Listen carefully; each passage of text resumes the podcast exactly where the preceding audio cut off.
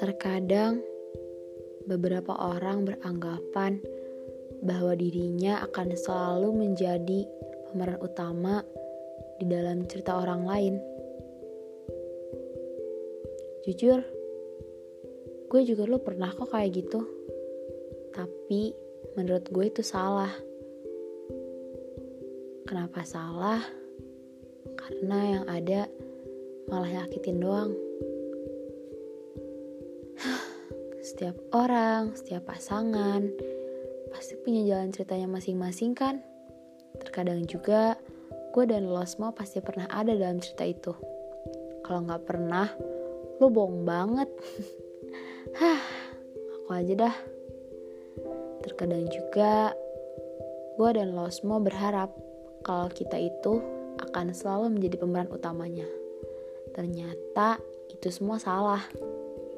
Kita cuma jadi pemeran pembantu dan pemeran pengganti aja.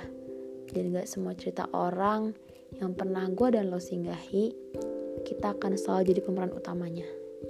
Kayak gitu, jadi sekarang jangan terlalu banyak berharap.